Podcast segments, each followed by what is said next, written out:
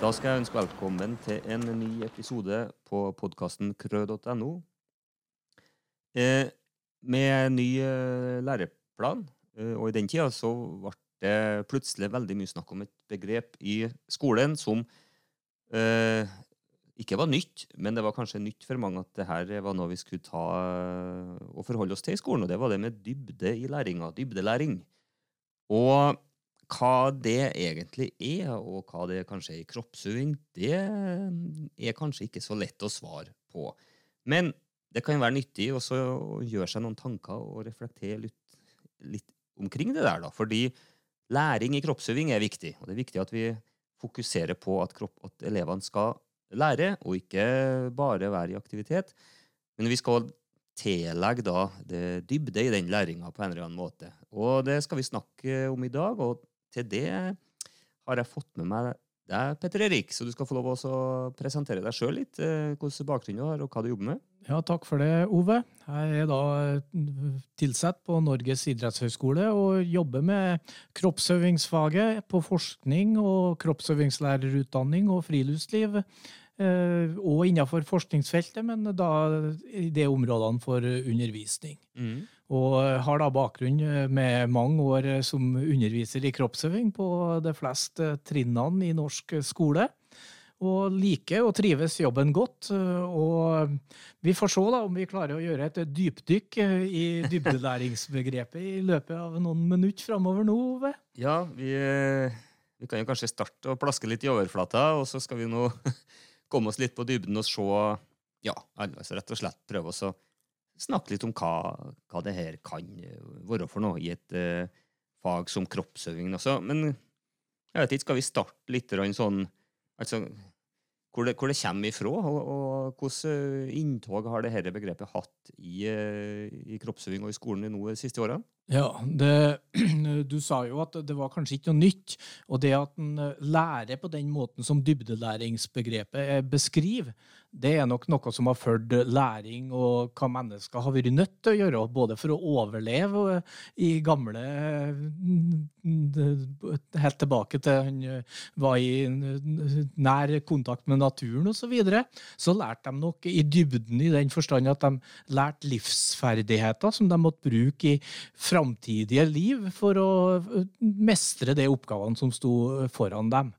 Sånn at på en måte, sånn sett så er det vi prøver å fange med dybdelæring, kanskje ikke noe nytt. Men det kom jo som et nytt begrep, da, som du sa her, inn med fagfornyelsen. Og da er det en del forskning som har både polarisert uh, det her dybde mot overflate, som vi var inne med. Han kan jo snakke om at uh, det er da kunnskap som du bare lære for å gjengi på en eksamen og sånt, eh, eller eh, du pugger og så gjengir, og det kalles da gjerne overflatekunnskap av enkelte teoretikere. Mm. Mens eh, dybdelæring da er noe som har en større betydning for livet ditt og hvem du er som menneske. Og her er det flere ting som spiller inn når det kom inn i det med fagfornyelsen. Ja. Ludvigsen Utvalget var opptatt av dette pga. Eh, flere fra forskningsfeltet som viste nettopp eh, litt denne forskjellen mellom eh, de to polaritetene som man snakker om her. da. Og så har du OECD. Noen kan slå opp det hvis de er interessert i hva det er. Mm. De, de gir litt sånn retning til utdanninga på det politiske feltet og sånt internasjonalt. Og Norge knytta seg nært, nært opp til dem. Og de var opptatt av sånne flere grunnkompetanser som uh, livsferdighetene, eller på en måte livet, må ha. da. Og Der var det begrepet dybdelæring kom inn i deres side. Og den sterkeste påvirkninga fra dem til norsk utdanning og det som skjedde med fagfornyelsen, er nok rollen for, som emosjoner og følelser får i den nye læreplanene. Mm. Ja. Men, er det sånn at vi eh, nå har jo, Det ble jo etter hvert eh, landa på en definisjon fra, fra direktoratet sin side på hva dybdelæring er i norsk skole. Nå har jo det, kanskje den definisjonen fått litt kritikk for at den, ja, at den er veldig kognitiv, da, og kanskje ikke tar opp i seg så mye omkring det med emosjoner. Ja, øh, emosjoner kan kan en vel si at øh, ikke så mye til stede for han, fordi det nettopp øh, handler om hvordan elevene da gradvis utvikler kunnskaper og en varig forståelse av begrepene og metodene og sammenhengen i faget, og òg hvordan dette kan brukes til å overføre til nye situasjoner. Sånn at følelsesdimensjon, og når vi kommer til kroppsøving litt mer konkret om ikke så lenge, tenker jeg, så kan vi jo snakke om det kroppslige bevegelsesrepertoaret. Heller ikke særlig fram eh, i det her eh, umiddelbare måten det da er fremskrevet på i, eh, av Utdanningsdirektoratet. Nei, og jeg husker jo når den definisjonen kom, og det ble jo tatt opp det her temaet i ulike fora, og jeg, jeg, skrev noe om det jo på et blogginnlegg på krød.no, og, min kalle, jeg, vet ikke om jeg frykt, da, men det jeg så for meg, var en konsekvens av at man på en måte ikke kjenner igjen begrepet til sin kontekst, er jo at man enten overser det, eller fortolker det videre, da, sånn at man eh, gjør seg opp noen mening om, eh, om hva læring i dybden er. Fordi, i alle fall når man kommer litt opp i trinnene, når det er snakk om læring, så er det jo fort knytta til det med vurdering. sånn at om dybde skulle på en måte si noe om kvaliteten, fordi eh, definisjonen på kompetanse var jo sterkt knytta til definisjonen på dybdelæring. så at er det sånn at jo dypere, jo bedre, jo, jo, jo dypere, dess bedre karakter. Og da er det jo viktig hvordan tolker man det med dybdelæring. Er det f.eks. at man skal bli ekstremt god i overhåndsserve i volleyball og øve et helt semester på det, og få da god vurdering ut fra det, eller skal man forstå dybde på en annen måte, da? Ja, det er et uh, godt spørsmål. og du kan jo si nettopp Hvis en skal utvikle da ferdigheter og kunnskap over tid, så kunne det handle om uh, serve i volleyball eller volleyballspillet som sådan, og jobbe med det. Men det er jo da læreplanen uh, som er utgangspunktet her, og skal fange det som på en måte han skal ha dybdelæring rundt. Og med fagfornyelsen så er det kjerneelementene i faget. Og da har vi jo tre kjerneelement i kroppsøvingsfaget, Mm. som på en måte er det som skal vise, eller gi retning kanskje åt dybdelæringa gjennom hele utdanningsløpet, fra de starter som seksåringer og til de går ut enten etter tiende eller VG2 eller VG3. Og da er det jo noe med at det, dybdelæringa her er ikke noe som skjer i den enkelte kroppsøvingstime, hvis en tenker på den her definisjonen til, til fagfornyelsen da, og, lære, læreplan, Da må han tenke det at det er noe som skjer gjennom årene, at han starter, og da vil ikke uh, volleyballspillet være det vesentlige. Hvis en ser på sånn som eh, kjerneelementene, da, så kan en jo si at eh, det med eh, bevegelse og kroppslig læring, så sier de jo at kroppslig læring handler bl.a. om motorikk og allsidighet, og det inkluderer òg litt kritisk refleksjon. Men eh, hvis en tar det på alvor, så er det jo en grunnkompetanse eh, for bevegelse som må bygges over tid. Og, og da handler dybdelæring her om at eh, kanskje elevene da får eh, en form for fysisk-motorisk bevegelseskompetanse eh, gjennom eh, ulike aktiviteter som de er med på eh, i første året i skolen, og tredje året og femte året, og, eh, og så kommer de ut på en måte på enden på løpet som eh, personer som har den fysisk-motoriske kompetansen til å kunne tilegne seg nye bevegelsesformer og delta i de aktivitetene som kanskje fremtidig liv kan by på. Mm. Og i likhet med det så har du jo de andre kjerneelementene, som eh, det med samspill og deltakelse i bevegelsesaktiviteter. handler jo da om at en skal kunne inngå i samspill med andre, noe som er helt sentralt i mange bevegelsesaktiviteter. Og det innebærer å bli kjent med seg sjøl som kropp i de sosiale settingene. Mm. Eh, Noen kan bli tilsidesatt, så det handler jo òg, ifølge kompetansemålene i faget, om å lære å omgås og anerkjenne forskjellighet. Mm. Og så har du et tredje som eh, et eh, kjerneelement, som er naturferdsel og uteaktiviteter. Og det kan en jo si at eh, det virker som om det kanskje er lagt inn fordi vi bor i et land som har skiftende årstider, og det å lære på en måte å bli kjent med seg sjøl i forhold til det som ja, naturen og terrenget kan by på, og samtidig gi deg kompetanse til å kan ta del i den kilde til livskvalitet og sånt som da friluftslivet og utelivet i Norge kan være med å by på. Mm. Det, det, du beskriver her, er jo at altså, samla sett så vil jo kompetansemålene og kjerneelementene da, i kroppsøving eh, det gjør det til et veldig sånn komplekst fag. altså Det, det er alt fra mål som er veldig sånn individbasert, f.eks. i svømmemålene etter fjerde, der du mm. mer eller mindre kan direkte måle oppnåelse eller ikke. Men så har du mer både kollektive mål, eh, som går mer på hvordan man er med hverandre og sammen.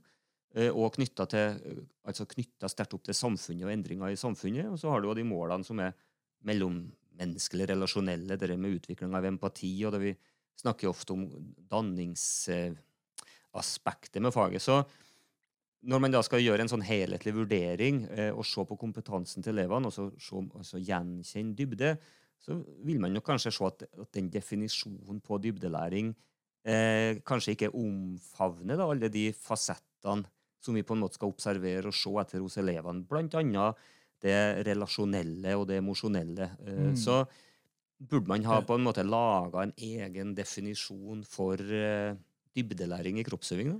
Uh, om ikke en egen definisjon, så tror jeg vi skal fortsette en uh, relativt dyp diskusjon rundt hva dette er, og, men samtidig prøve å konkretisere det. da. Og det er vel litt sånn da er det jo fristende å spille ballen over til deg, Ove, siden du nå har skrevet en doktorgrad som bruker litt eh, digital eh, tilnærming og flipped learning eh, for kanskje å bidra til dybdelæring. Ja, jeg prøvde jo gjennom det å argumentere, i alle fall, for at Nå setter jeg til og med deep i parentes, da, for å ikke tråkke for hardt i noen sin salat eller noe.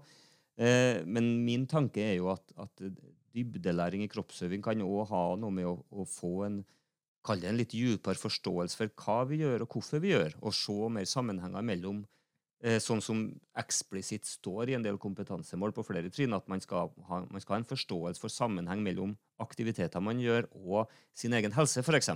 Mm. Og det, Mitt argument er at det, det, oppnår man ikke med bare å gjøre aktivitet. Du vil ikke sånn på noen magisk måte forstå hvorfor styrketrening er bra for din helse i et livsløpsperspektiv. Da er du nødt til at noen forklarer deg noen sammenhenger og viser deg noen sammenhenger, og, at du får mulighet til å og kanskje både diskutere og reflektere det. Og Da var jo mitt argument at i stedet for at du som lærer skal sette elevene ned og, og ha forelesning, eh, enten som egne teoritimer eller, eller som del av kroppsøving, så, så, mitt prosjekt var jo da å lage, lage noen videoer som var gitt som lekse som var mm. forberedelsesmateriale, sånn at man får integrert, kall det litt mer kognitiv, teoretisk kunnskap knytta da sterkt til den praktiske aktiviteten man gjør, sånn at man forhåpentligvis får en mer både forståelse for hvorfor man gjør ting, men òg kanskje opplever det som mer meningsfullt å ja. gjøre aktivitetene vi gjør da. Ja, og for å få til dette, så blir jo altså En ting er jo den her progresjonen gjennom flere år, men òg gjennom året. da, At det er ikke nødvendigvis de enkelte kompetansemålene på hvert trinn, eller det at jeg har bare to timer i uka, som er det som gjør dybdelæringa, men det er på en måte òg at en planlegger kanskje hva er det vi faktisk ønsker at elevene altså da skal få ut av uh, volleyballspillet, mm. som vi var inne på, som en del av helheten i kroppsøving. Hva er det vi bruker volleyballspillet til for å eventuelt bli kjent med emosjonene i ballspill mm. og i den typen aktiviteter, og, og, og, lære om samspillet, og eventuelt lære om hvordan en lærer teknikker, eller uh, altså å utvikle seg sånn ferdighetsmessig innenfor et spill. Ja, og jeg tror jo at, at det med å ta inn det med tverrfaglig tema inn i fagfornyelsen nå er jo et grep for å eh, lettere kunne se sammenhenger, lettere å eh, kanskje kunne forstå ting på et dypere perspektiv. Så jeg tror heller ikke vi skal begrense oss til å si at, at vi skal drive med dybdelæring kun innenfor kroppsøving, men jeg tror også, kanskje en tverrfaglig tematikk og tankegang kan hjelpe elevene til å se sammenhenger mellom ting. F.eks. når vi jobber med uteferdsel og, og friluftsliv og det med bærekraftig, bærekraftighet, da, med sporløs ferdsel, mm. og det med å forstå hvilken innvirkning vi både som mennesker og hva vi gjør, har på naturen og, eh, og verden. Eh, både i forhold til det med forurensning og med klimaendringer osv. Så, videre. så og det å være med på å forstå altså, Det er noen grunner til at vi har friluftsloven, f.eks. Jeg har jo ofte brukt eksempelet med telt i naturen. altså Du kan godt lese at det ikke er lov å telte mer enn to døgn, for da må du flytte teltet. Men det er klart, er du ute og opplever det her og erfarer det, og gjerne sammen med folk, så vil du på en måte se, da, hvis du har ligget på en mm. plass to dager og tar ned teltet, så ser du jo veldig konkret hvorfor den lovteksten er som den er. Ja. Og det er klart det vil gi kanskje en form for dypere forståelse for det, da. Ja, når du sier det, så får jeg, jeg på, eller får en assosiasjon til under utarbeidelsen av eh, Ludvigsens-utvalget sin eh, rapport, så skrev noen av de, dem som eh, var kollegaer av meg på idrettshøgskolen den gangen, Jorunn Spord Borgen og Kirsti Gurholt og Gunn Engelsrud, en sånn artikkel eller tilbakemelding til Ludvigsen-utvalget som hadde overskrifta 'Leik og friluftsliv i kroppsøvingsfaget', der dybdelæring eh, skjer eller foregår. Mm.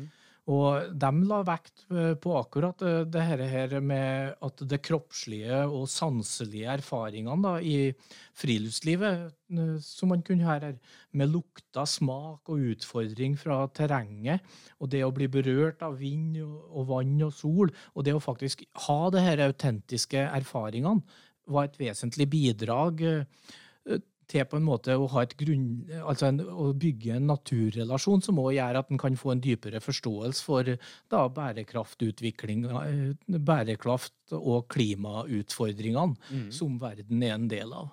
Ja, det her eh, er ikke noe vi begrenser til faget. altså Vi, vi ser at det her er kaller tverrfaglige kompetanser som er med på å gi dybde til, til læringa i, i kroppsving. og jeg har jo noen kollegaer på NTNU de skrev jo en bok som heter 'Dybde slash slash læring'. Mm, eh, og det var Tone Pernille Østeren som ja. er en av redaktørene. Og det er klart, de tok jo tak i det dybdelæringsbegrepet sett ifra eh, mer vårt ståsted innenfor kunstfag. Eh, mm. og, prøvde å på en måte utvide definisjonen litt da, til nettopp å ta høyde for det performative og, og det emosjonelle og det relasjonelle eh, og flere ting. Så det, jeg syns den boka òg kan gi et sånt perspektiv på hva, hva på en måte dybde i mer kroppslig læring kan være. Da. Og, og den, ja, Jeg anbefaler også å, å lese i den. Jeg syns den, den, har åpna mitt syn, i alle fall. Og når vi snakka om Ludvigsen-utvalget, det kom jo to sånne NOU-er var det i 14 og i 15 som skulle være grunnlaget for den stortingsmeldinga som ja.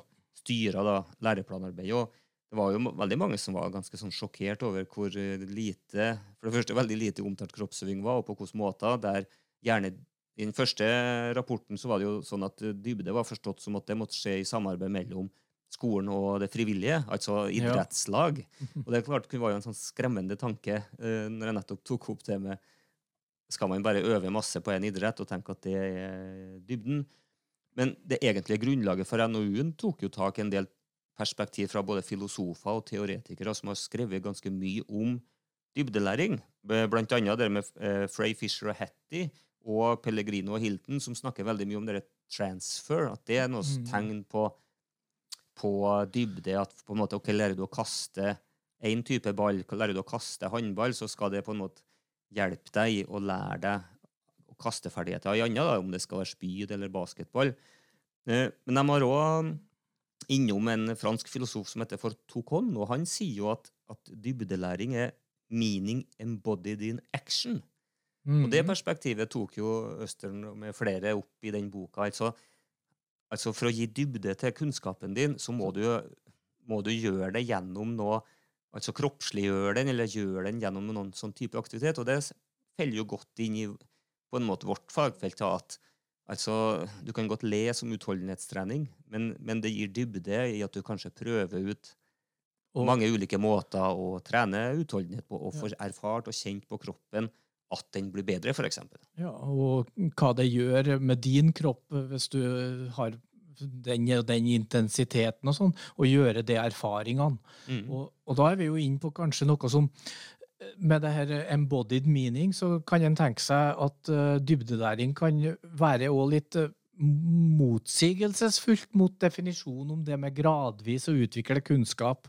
Uh, i, forhold, I hvert fall på én måte, fordi at han kan tenke seg at en del enkelterfaringer kroppslige enkelterfaringer kan sette seg såpass sterkt mm. meningsfullt i kroppen, altså embodied, at bare det at du har følt det en gang, så mm. har du det med deg som en dypere forståelse av både hva det er å være kropp i den sammenhengen. Mm. Eh, eksempelvis så kan en jo tenke seg at uh, erfaring av å fryse uh, ute eller å bli blaut i regnet er kroppslige erfaringer. Og så er det et spørsmål er det sånt som kroppsøving skal bidra med òg. I forhold til naturferdsel og uteaktivitet, så er vel ikke det utenkelig. Og det kan liksom kanskje da nære grunnlaget for at en kan ha trivsel og bygge den kompetansen som kompetansemålene senere i utdanninga etterspør, med at du skal kunne planlegge og gjennomføre overnatting eh, med friluftsliv òg. Mm. Ja, helt klart, altså. Så jeg, jeg, var på en måte veldig glad i den måten å se dybdelæring på. og, og og lese litteratur og lese om dere som da forstår det på den måten. Og så var det jo på en måte litt synd at, at Ludvigsen-utvalget ikke hadde kanskje tatt opp i seg de aspektene, da, men at det var mer fokus på det kognitive og den kall det mer transfer-biten. da, At du skal på en måte kunne bruke kunnskapen din og kompetansen din til å tilegne deg ny mm. kompetanse i andre kontekster og, og, og situasjoner. Så det, det, er ikke sikkert at vi, vi, har, vi, har, vi er ikke vært helt borte vekk i kroppsøving. tror jeg. Jeg tror faktisk vi har jobba med en del dybdelæring i og med at det har skapt mye forståelse gjennom at elevene får gjør mye erfaringer, og gjerne mm. erfaringer sammen. Eh, men det vi kanskje ikke har vært flinke nok på, er jo å, å, å, tenke at Vi har fort vært litt sånn redd for det med teori. Og, ja. og, og at, liksom, at, læring skal utelukkende være ren, skjær eh, svetting. Altså ja. å være aktivitet. Så vi har liksom vært fornøyd med det vi kaller happy smiley kids. ikke sant? Eh, men at man på noen måte klarer å, å knytte det litt tettere sammen. Ja, eh, faget har helt klart En av kritikkene har vært at vi som kroppsøvingslærere har vært mer opptatt av å holde elevene i aktivitet enn å legge til rette kanskje da for dybdelæring og refleksjon i denne sammenhengen. Mm. Og så Samtidig så er det bevegelsesaktiviteten som på en måte også er kanskje det unike bidraget til læringa her. Ja, jeg tror det. Og det er jo Jeg tenker man skal ikke erstatte, men man må se måter å organisere opplæringa på som gjør at man kan integrere kanskje et litt større fokus på det med kaller kunnskap. Men altså, kunnskap kan jo godt komme i form av kroppslig aktivitet, altså. Men at, at elevene får litt mer anledninger til å sette ting i kontekst og, og få en dypere forståelse for hva vi holder på med. Da uh, og da promoterer jo jeg det med omvendt undervisning, at det er en av flere måter å, å, og smette inn litt mer kallet, teori på. da, uh, Men da tett knytta opp imot det praktiske, og at det praktiske på en måte skal være med å videreutvikle den kunnskapen og kompetansen uh, elevene får. da. Ja, og i forlengelsen av det så skrev Øyvind Standal en artikkel med tittel som han for så vidt har oversett eller lånt fra den engelske kroppsøvingsforskningen David Kirk, som heter 'Ei mil vid og en tomme djup'. Ja. der det på en måte tar tak i litt av det med at vi holder på med veldig mange aktiviteter, kanskje, og ikke er så opptatt av dybden i det vi gjør.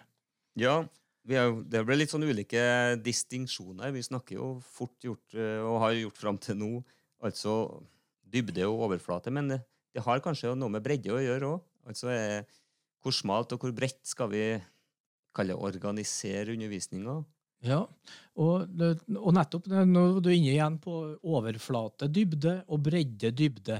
Og på en måte så kan en tenke seg at det med om eh, han har et bredt utvalg av aktiviteter og bevegelsesaktiviteter som han jobber med, så kan det likevel være å bruke dem inn mot et eh, dybde læringsmål, da, som vi har vært inne på.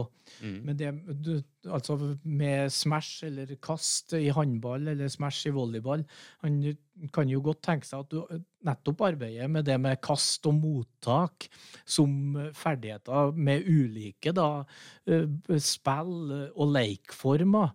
Og, men da må du ha en litt planlagt uh, tanke rundt dette som uh, lærer, og rundt faget. da, At du på en måte legger til rette for at håndballspillet skal brukes i retning av å faktisk lage en grunnkompetanse for kast og mottak, som du kanskje òg kan bruke i andre sammenhenger hvor du må ta imot noe eller kaste noe.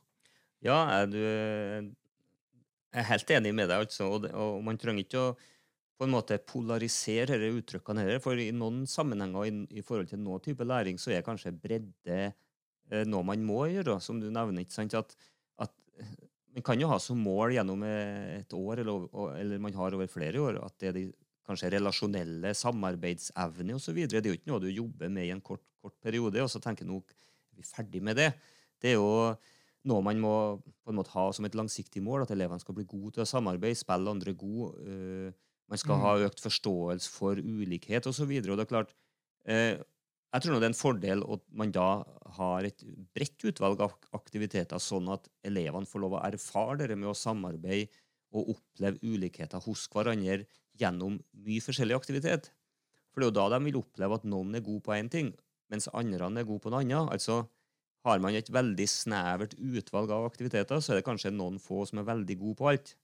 Og så er det mm. veldig mange som kanskje ikke får visst at de er veldig flinke i noen annen type aktivitet. Så der tenker jeg at et bredd, altså en god bredde og variasjon i aktiviteten er noe som legger til rette for en dypere forståelse for f.eks. For et sånt fenomen som det med å forstå ulikheter eh, seg imellom. Da. Og her berører en jo det med at eh, altså det med sjølstyring, valg i kroppsøving, individuell tilpasning, egne forutsetninger.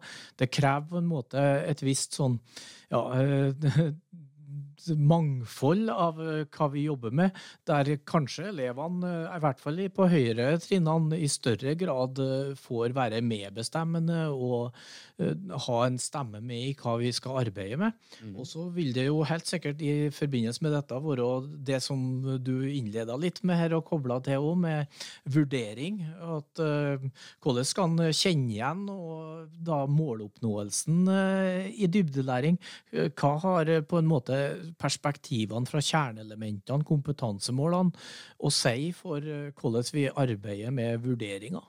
Det ja, det er nå et, eh, et, spørsmål vi kommer veldig ofte tilbake til. Det er jo det med vurdering i kroppssving. Og min oppfatning er, er at hvis du skal ta med omfavn det med dybde, så tror jeg det er lettere å gjøre vurderinger sterkt knytta opp imot kjerneelementteksten mer enn kanskje kompetansemålteksten. Det er klart, Vi skal jo vurdere vi skal vurdere en helhetlig kompetanse til elevene våre eh, mm. gjennom hele skoleløpet. Og eh, jeg ser det som en vanskelig oppgave å på en måte skal kalle delvurdere kompetansemålene. De, det har tross alt blitt noen færre, men det er fortsatt veldig mange, og de er veldig sånn ulike. Så men det er jo en, en, et faktum at alle kompetansemål er jo veldig godt forankra. De kommer jo ut av kjerneelementer. Mm. Så hvis man, hvis man, på en måte går inn i teksten og prøver å, å, å se litt hva, hva står det egentlig her i det her kjerneelementet,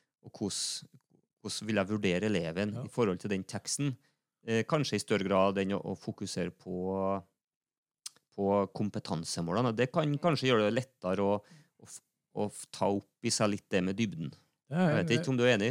Interessant tanke. men det, Formelt så er det jo kompetansemålene som er grunnlaget da, for vurderinga i fag. Ja. I tillegg til at vi har eh, innsats inn her, og, og at det skal ses i, av, i, lys av teksten som handler om faget mer generelt, som kjerneelementene nå helt klart er styrende for.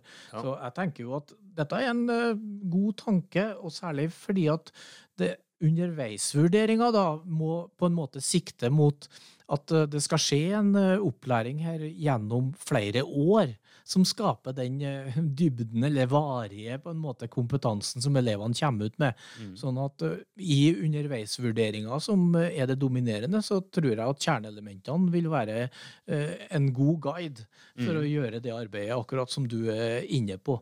Og så må det jo selvfølgelig ende opp i en type sluttvurdering som også skal uttrykkes med en karakter. Ja. Og det får vi ta ved en annen anledning. Den tror jeg ikke vi skal gå inn på nå. Nei, nå, eh, vi skal ikke dra det for langt inn i vurderingsverden, men det er klart det er òg diskusjoner man eh, må ta, tenker jeg, på rundt omkring på skolene og i kollegium. Og jeg oppfordrer jo til det. Altså, skal man ha en, en god eh, praksis knytta til det her, så er det ikke er ikke det veldig bra hvis at hver og en skal på en måte fortolke begrepene og, og, og, og gjøre seg opp en mening, og så legge opp undervisninga ut ifra det. Mm. Jeg tenker det er veldig nyttig å, både lokalt på skolene, men òg bruke de fagnettverkene som er på fylkesnivå.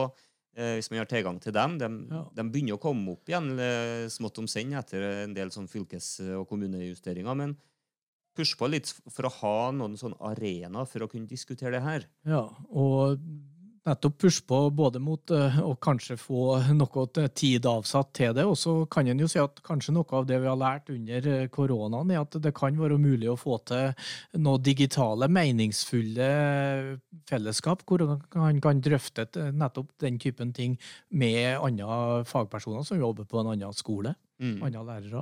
Jeg tror man er Jeg tror det er viktig, det, at, at man Det er klart man vil ikke få lik oppfatning og lik forståelse av begrep. Det er noe med, noe med det magiske med å, å jobbe med skolen og mennesker, at vi, vi, vi vil tolke ting litt ulikt. Men jeg tror det er viktig å ha, ha noen sånne gode fagdiskusjoner omkring disse begrepene, og spesielt kanskje det med dybdelæring, i og med at det er kommet som et forholdsvis ferskt begrep, og som må, det må fortolkes og, og omgjøres til noen form for eh, eh, det må få noe ansikt ut i praksis, da. Ja, og da er det på en måte litt sånn at uh, her er det noen potensialer, sannsynligvis ut ifra det du nevnte om eh, Østern og deres i bok, eh, fra kunstsida, og fra det vi så vidt har nevnt med kroppsøving, med altså at kroppslige erfaringer bidrar med noe, så uh, er det nok en uh, godt potensial her for at eh, dybdelæring sett fra kroppsøving kan være en, eh, et bidrag inn i den mer generelle skoledebatten som pågår òg, og bør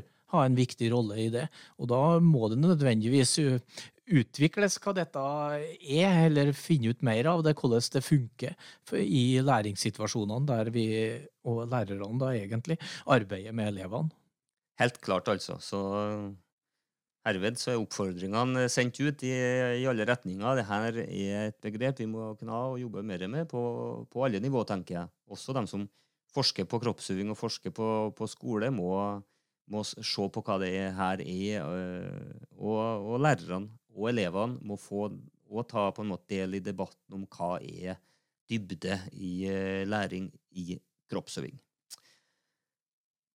Er det noe mer du tenker vi skulle ha sagt? Nå har vi jo vi har jo kanskje toucha litt inn på ting, og det er nå en del ting vi kunne ha diskutert eh, videre òg, og bredere eh, og dypere. Ja.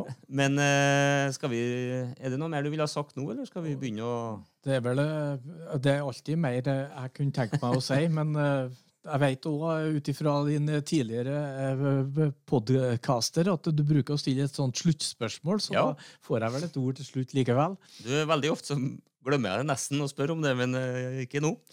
Jeg bruker å spørre om det, vet du.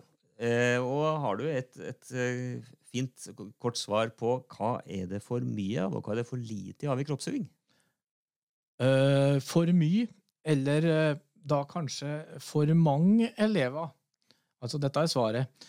Det er for mange elever som ikke har det bra i kroppsøvingskonteksten, eh, er det ting som tyder på, og derfor heller ikke får det utbyttet av faget som de kunne og skulle ha fått. Så det er det litt for mye av foreløpig. Ja. Eh, om dybdelæring kan eh, bøte på det, det vil eh, tida vise. Det er i hvert fall antageligvis eh, et bidrag til det hvis elevene opplever dybdelæring. Og da er jeg i grunnen inn på det at det er fristende da, å svare på det andre leddet i spørsmålet, i og med at vi, det er det vi har snakka om. At det er for lite dybdelæring. Ja. Men jeg drister meg heller til å løfte det poenget litt da, inn mot eh, det større samfunnsoppdraget som skolen har, og med opplæringa som helhet, og si at eh, det det er for lite av, er kanskje hvordan kroppsøving og bevegelseserfaringer, den typen sanselige og konkrete kroppslige opplevelser, har en plass, eller får en plass, hvor de kan bidra til en dypere forståelse, og da i et eh, tverr- eller flerfaglig lærings- og kunnskapsperspektiv. Sånn at det handler litt om at, eh, for å prøve å konkretisere det, at en kilometer kan deles opp i 1000 meter. Eh, Du kan ta tida på hvor lang tid du sykler en kilometer med en viss fart, og regne ut det i naturfagsammenheng. Jeg husker en sånn trekant med en S oppe og noe sånt, ja. Fra egen eh, skolegang. Eh, Men eh, den kan, en kilometer kan òg kjennes i kroppen. Og den oppleves og kjennes mest sannsynlig forskjellig om du springer så raskt du klarer, eller om du går og småprater sammen med noen du liker å være i, hop med. Mhm. Og den typen da, erfaringer av hva en kilometer er, kan jo da være en eh, form for eh, bidrag til å forstå en kilometer og en sjøl litt dypere. Og dermed noe som han kan overføre til å ta med seg videre i andre situasjoner i livet. Enten det gjelder både da bevegelsesaktiviteter, deltaking i den typen, eller trening for helse. Eller eh, hva jeg kan klare hvis jeg virkelig tar, tar i.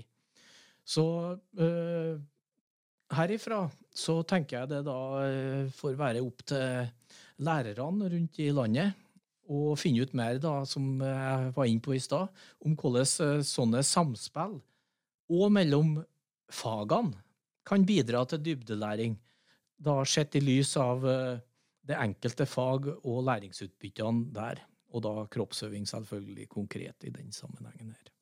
Med det så vil jeg si tusen hjertelig takk for at du stilte opp eh, denne gangen, eh, Petter Erik. Takk for at jeg fikk lov til å være med. Du har nå hørt en podkast fra krøe.no. Følg oss gjerne på Facebook, og ta gjerne en titt på nettsida vår òg, krøe.no. Podkastene her finner du i din vanlige podkastkanal, og om du vil anbefale oss til en venn, så setter vi veldig stor pris på det.